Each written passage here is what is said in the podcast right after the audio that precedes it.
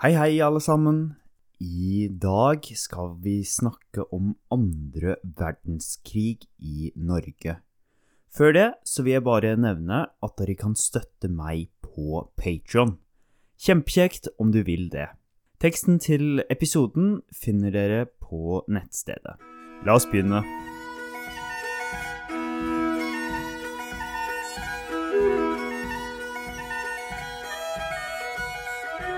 Andre verdenskrig brøt ut september 1939, da Tyskland invaderte Polen.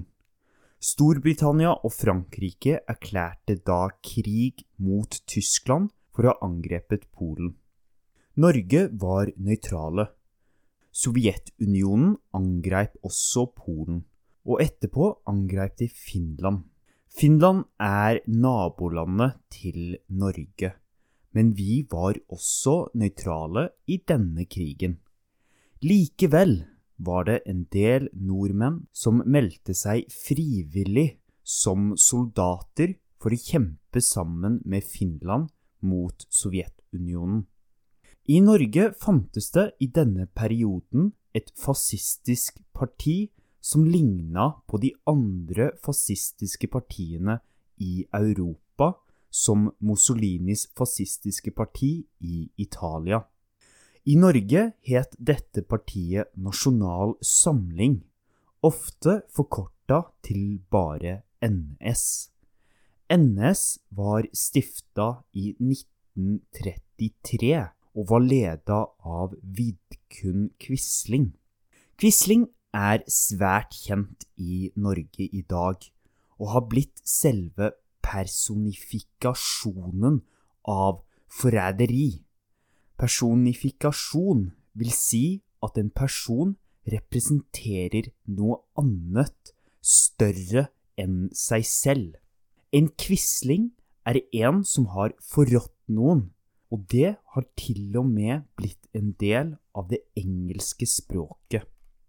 Dette skal vi se mer på seinere. Men det dere trenger å vite nå, er at NS var et lite parti, sammenligna med fascistpartiene i f.eks. Spania og Italia. NS fikk 26 500 stemmer totalt ved stortingsvalget i 1936. Stortingsvalg er valget til parlamentet i Norge her kalt Stortinget. I Norge består Stortinget av 169 personer, og Nasjonal Samling fikk null representanter ved dette valget. Det var altså et lite parti i Norge.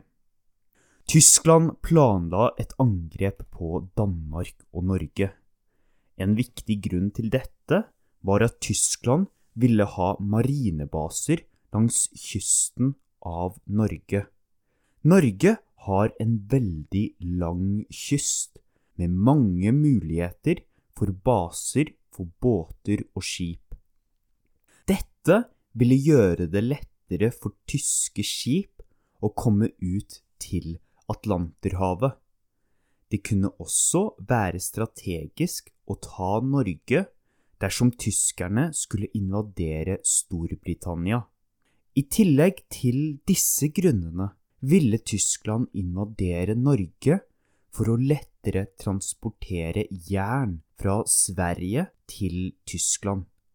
Svensk jern kunne da sendes til Narvik i Nord-Norge og fraktes langs kysten av Norge til Danmark og fra der til Tyskland. Dette var veldig viktig for tysk våpenindustri. Det var ikke bare Tyskland som planla operasjoner i Norge. Storbritannia og Frankrike ville hjelpe Finland i deres kamp mot Sovjetunionen. De planla å sende soldater til Narvik i Nord-Norge, og fra der til Finland gjennom Sverige. Likevel var den viktigste grunnen til dette å hindre at Tyskland fikk tak i svensk jern. da vinterkrigen, krigen mellom Finland og Sovjetunionen, tok slutt i mars 1940, skrinla Frankrike og Storbritannia planene sine. Å skrinlegge betyr at de aldri gjennomførte det de planla. I stedet for å sende soldater bestemte Storbritannia og Frankrike seg for å legge miner langs kysten av Norge. Dette var for å hindre frakten av svensk jern langs norskekysten. Dette blei gjort uten at Norge godkjente det. Norskekysten blei minelagt uten at Norge hadde godtatt det, noe som er en krenkelse av et lands suverenitet. Likevel er det sjeldent at store og sterke land bryr seg om suvereniteten til små land. Tyskland angreip Norge 9. april 1940. I dag har dette blitt en dato som alle nordmenn over 40 år kan. Det er en del av Norges nasjonalidentitet. 9. april blei Norge angrepet av Tyskland, og Norge blei tatt helt på senga. Å bli tatt på senga betyr at man blir svært overraska. Norge blei svært overraska av at Tyskland angreip 9. april 1940. Det burde de ikke blitt. Det var mye som tyda på at Tyskland kom til å gjøre noe. Men Norge var mer fokusert på å være nøytral i konflikten enn å gjøre seg klar til at de kunne bli angrepet. Da Norge blei angrepet 9. april, flykta regjeringen sammen med Stortinget og kong Haakon den 7. De flykta til Hamar og deretter til Elverum, steder som ligger ca. to timer med bil nord for Oslo i dag. Imens dette skjedde, prøvde Quisling og NS å gjøre et statskupp i Norge. Quisling og Tyskland ønska at kong Haakon skulle utnevne Quisling til statsminister. Kong Haakon og regjeringa nekta, og de bestemte seg for å kjempe. De visste at Norge ikke kunne klare å vinne mot Tyskland alene. De håpte å få hjelp fra Storbritannia og Frankrike. Og det fikk vi. Faktisk var det hele fem nasjoner som var delaktige i kampene i Norge. Norske, tyske, britiske, franske og polske soldater var alle involverte i kampene. Men det så ikke bra ut for Norge. Tyskerne tok kontroll over alle de viktigste havnebyene allerede innen 9. april. De hadde altså kontroll over Oslo, Stavanger, Bergen og Trondheim fra første dagen. Målet deres var å skape en forbindelse mellom Oslo og Trondheim, som ligger midt i Norge. Forsvaret av Sør-Norge, altså alt sør for Trøndelag, blei gitt opp 30. april 1940. Selv om kampene i Sør-Norge blei gitt opp, var det fortsatt kamper i Nord-Norge. For eksempel fortsatte kampene i Narvik, som de allierte klarte å gjenerobre. Det så lenge veldig lyst ut for de allierte i Nord-Norge, men så angreip tyskerne Frankrike i mai 1940. Dette gjorde at de allierte trakk alle troppene sine fra Norge for å sende dem til Frankrike. De allierte trengte alle soldatene i Frankrike, og kunne ikke ha soldater i Norge. De norske styrkene overga seg 10. juni 1940, to måneder etter at Tyskland hadde angrepet landet 9. april. Finland hadde holdt ut tre og en halv måned mot Sovjetunionen, men vi i Norge klarte ikke lenger enn to måneder mot Tyskland. Dette var det som blei fokuset for mange i Norge etter nederlaget. Jeg tror ikke dette er en veldig bra sammenligning. For det første var situasjonen for de to landene ganske annerledes, altså for Norge og Finland. I tillegg var det store forskjeller mellom Sovjetunionen og Tyskland i utstyr og teknologi i denne perioden. Det som også er viktig å nevne, er at Tyskland brukte en og en halv måned på å erobre Frankrike. Norge holdt altså lenger ut mot Tyskland enn det stormakten Frankrike gjorde. Kongen og regjeringen dro til London 7. juli 1940, tre dager før Norge overga seg. En norsk eksilregjering blei etablert i London. Andre land hadde også eksilregjeringer i London, f.eks. Polen. Kongen sendte radiotaler fra London til det okkuperte Norge. Det var forbudt å høre på disse radiosendingene i Norge, men det var mange som gjorde det uansett. Kongen blei et populært symbol som nordmenn kunne samle seg rundt under okkupasjonen. Fra London blei nordmenn trent opp til å ta del i motstandsbevegelser mot tyskerne i Norge. I tillegg til London var Sverige et viktig sted for nordmenn i eksil. 50 000 nordmenn flykta til Sverige i løpet av krigen. De fleste motstandsmennene som måtte flykte fra Norge, flykta til Sverige. Hitler utnevnte Josef Terboven til rikskommissær i Norge. Han var øverste leder for det okkuperte Norge. Han samarbeida med Quisling og partiet Nasjonal Samling. NS blei det eneste partiet som var tillatt i Norge. Okkupasjonsregimet baserte seg på tre sentrale støtter. 1.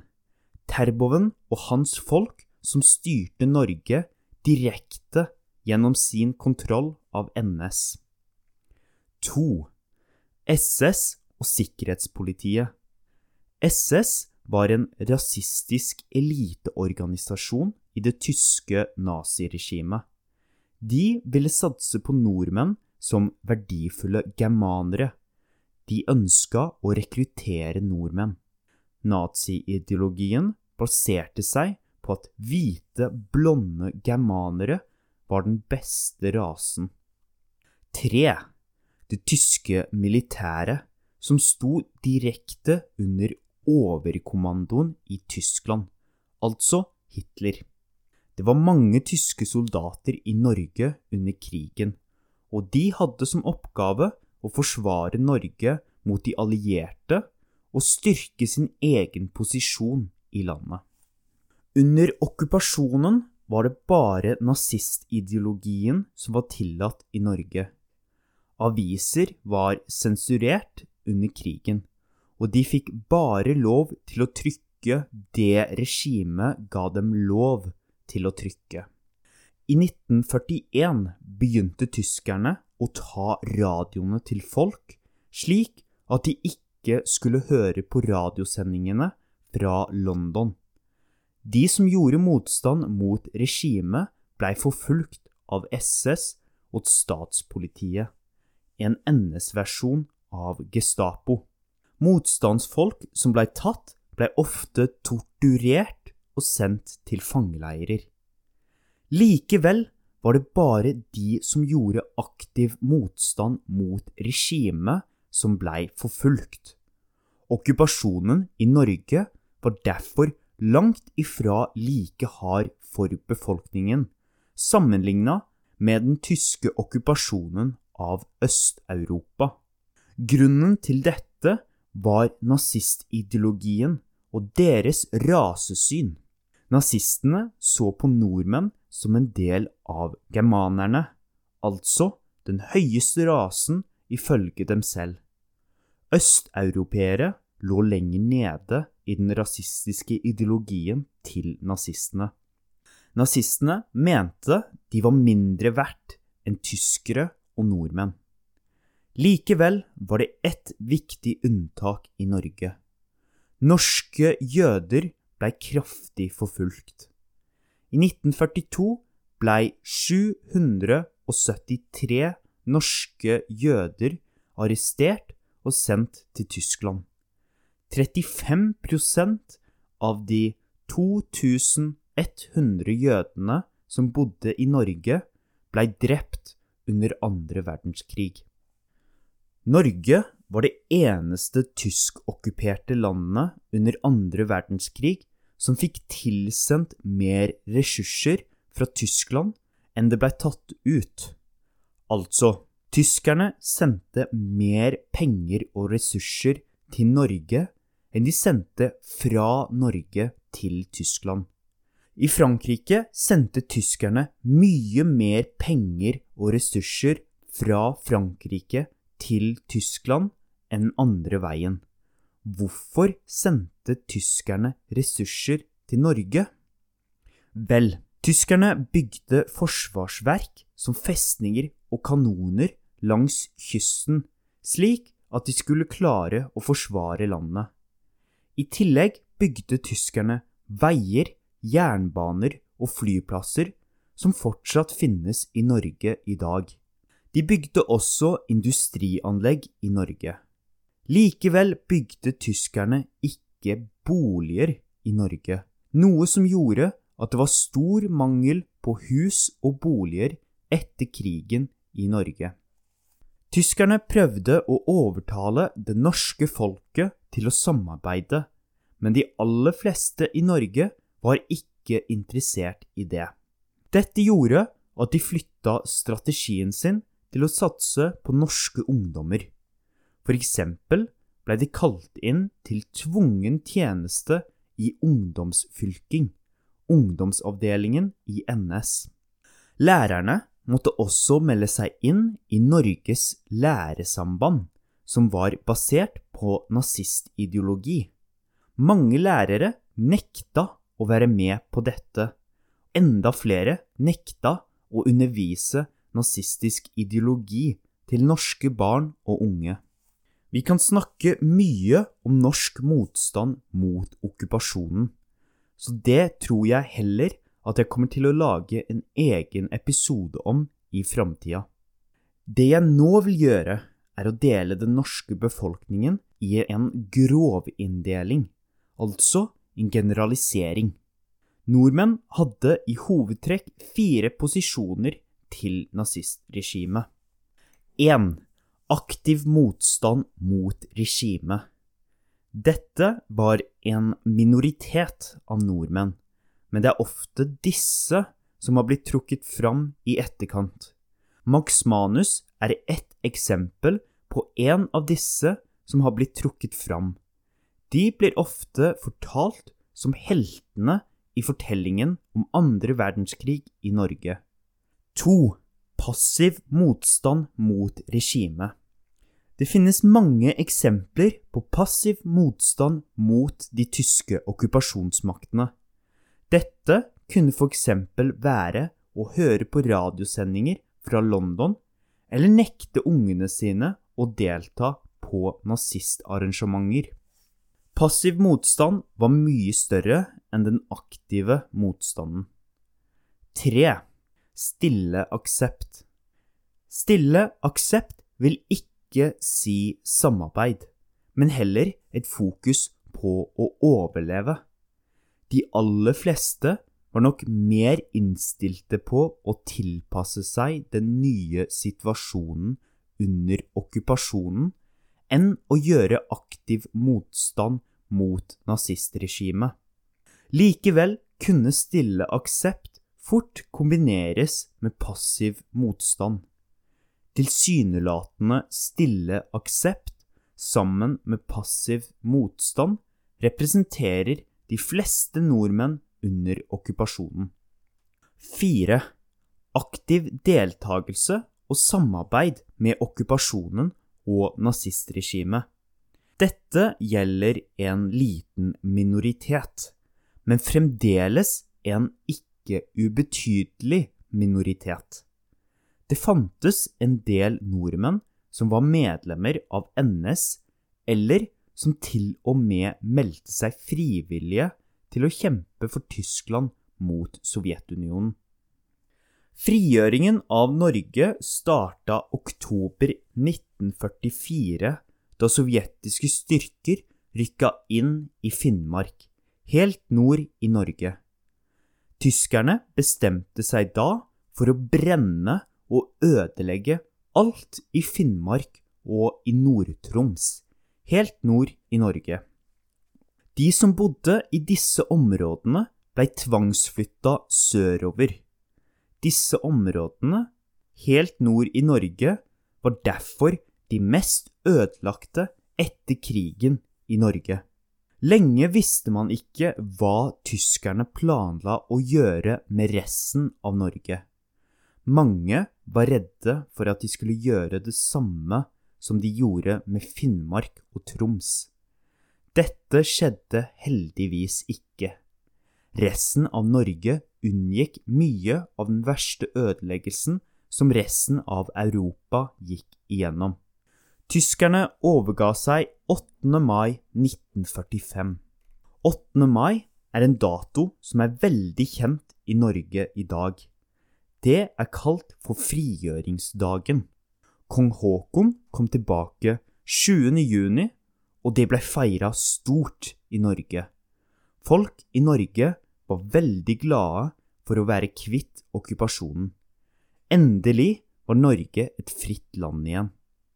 Høsten 1945 ble det avholdt valg i Norge, og Arbeiderpartiet fikk flertall. Norge var igjen et demokrati, og den politiske situasjonen blei normalisert etter dette. Likevel fantes det mange sår fra krigen. Norge starta et stort rettsoppgjør etter krigen. Altså, det blei satt i gang en stor prosess med å finne og dømme de som samarbeida med tyskerne under andre verdenskrig. Særlig viktig var landssvikoppgjøret, som prøvde å finne og dømme alle som hadde forrådt landet og hjulpet fienden under krigen. Over 90 000 saker ble etterforska.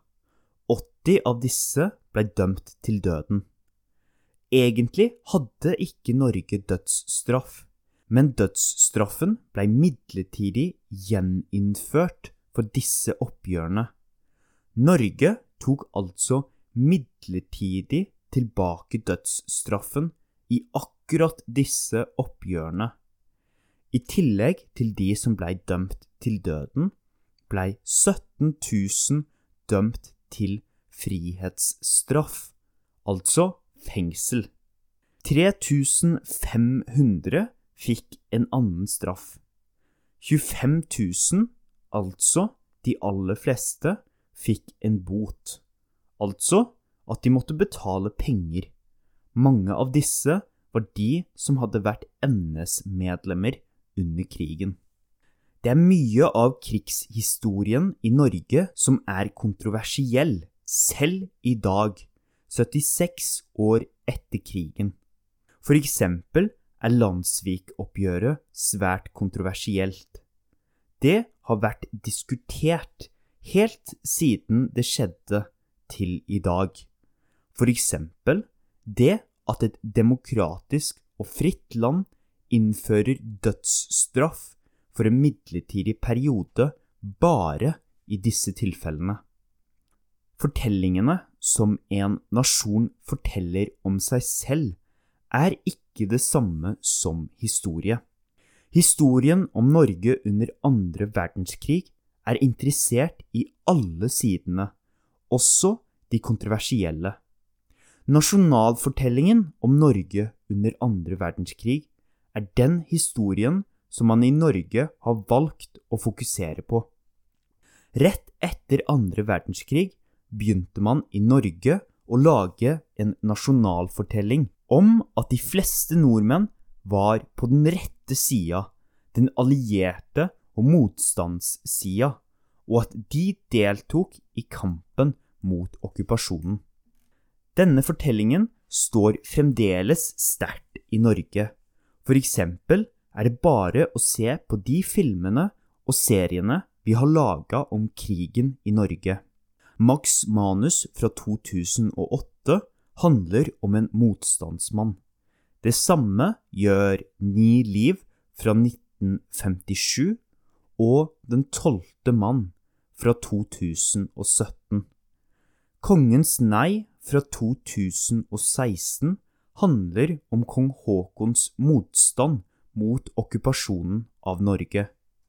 Serien Kampen om tungtvannet handler om en norsk sabotasjeoperasjon av viktig tysk industri i Norge. I filmer og serier er det altså heltene som blir tatt fram. Det er de som gjorde motstand, som får oppmerksomheten. Det er de vi har valgt å fokusere på. Rettsoppgjøret etter krigen, eller utsendelsen av norske jøder til Tyskland, har fått mye mindre oppmerksomhet, selv om dette er noe som ser ut til å få større oppmerksomhet nå. Jeg håper at vi i framtida kan ta et oppgjør med denne nasjonalfortellinga i Norge. Det er også mange mørke sider ved Norge under andre verdenskrig, og disse er også viktige å trekke fram. De er også en del av historien om Norge under andre verdenskrig. Det er viktig at vi som et samfunn husker på alle sidene ved okkupasjonen, også de mer ubehagelige og kontroversielle. Vi avslutter episoden der. Dette er bare en kjapp gjennomgang av Norge under andre verdenskrig, og det er mye mer jeg kunne ha sagt. Dersom du er interessert i å finne ut mer, så vil jeg gjerne oppfordre deg til å lese noen bøker om det. Det finnes svært mange bøker om Norge under andre verdenskrig. Det blir fremdeles publisert mye spennende forskning om Norge under andre verdenskrig. Ellers vil jeg bare si at uh, dere gjerne kan sende meg uh, en e-post dersom dere har noen spørsmål eller tilbakemeldinger. E-postadressen finner dere i deskripsjonen. Ha det bra!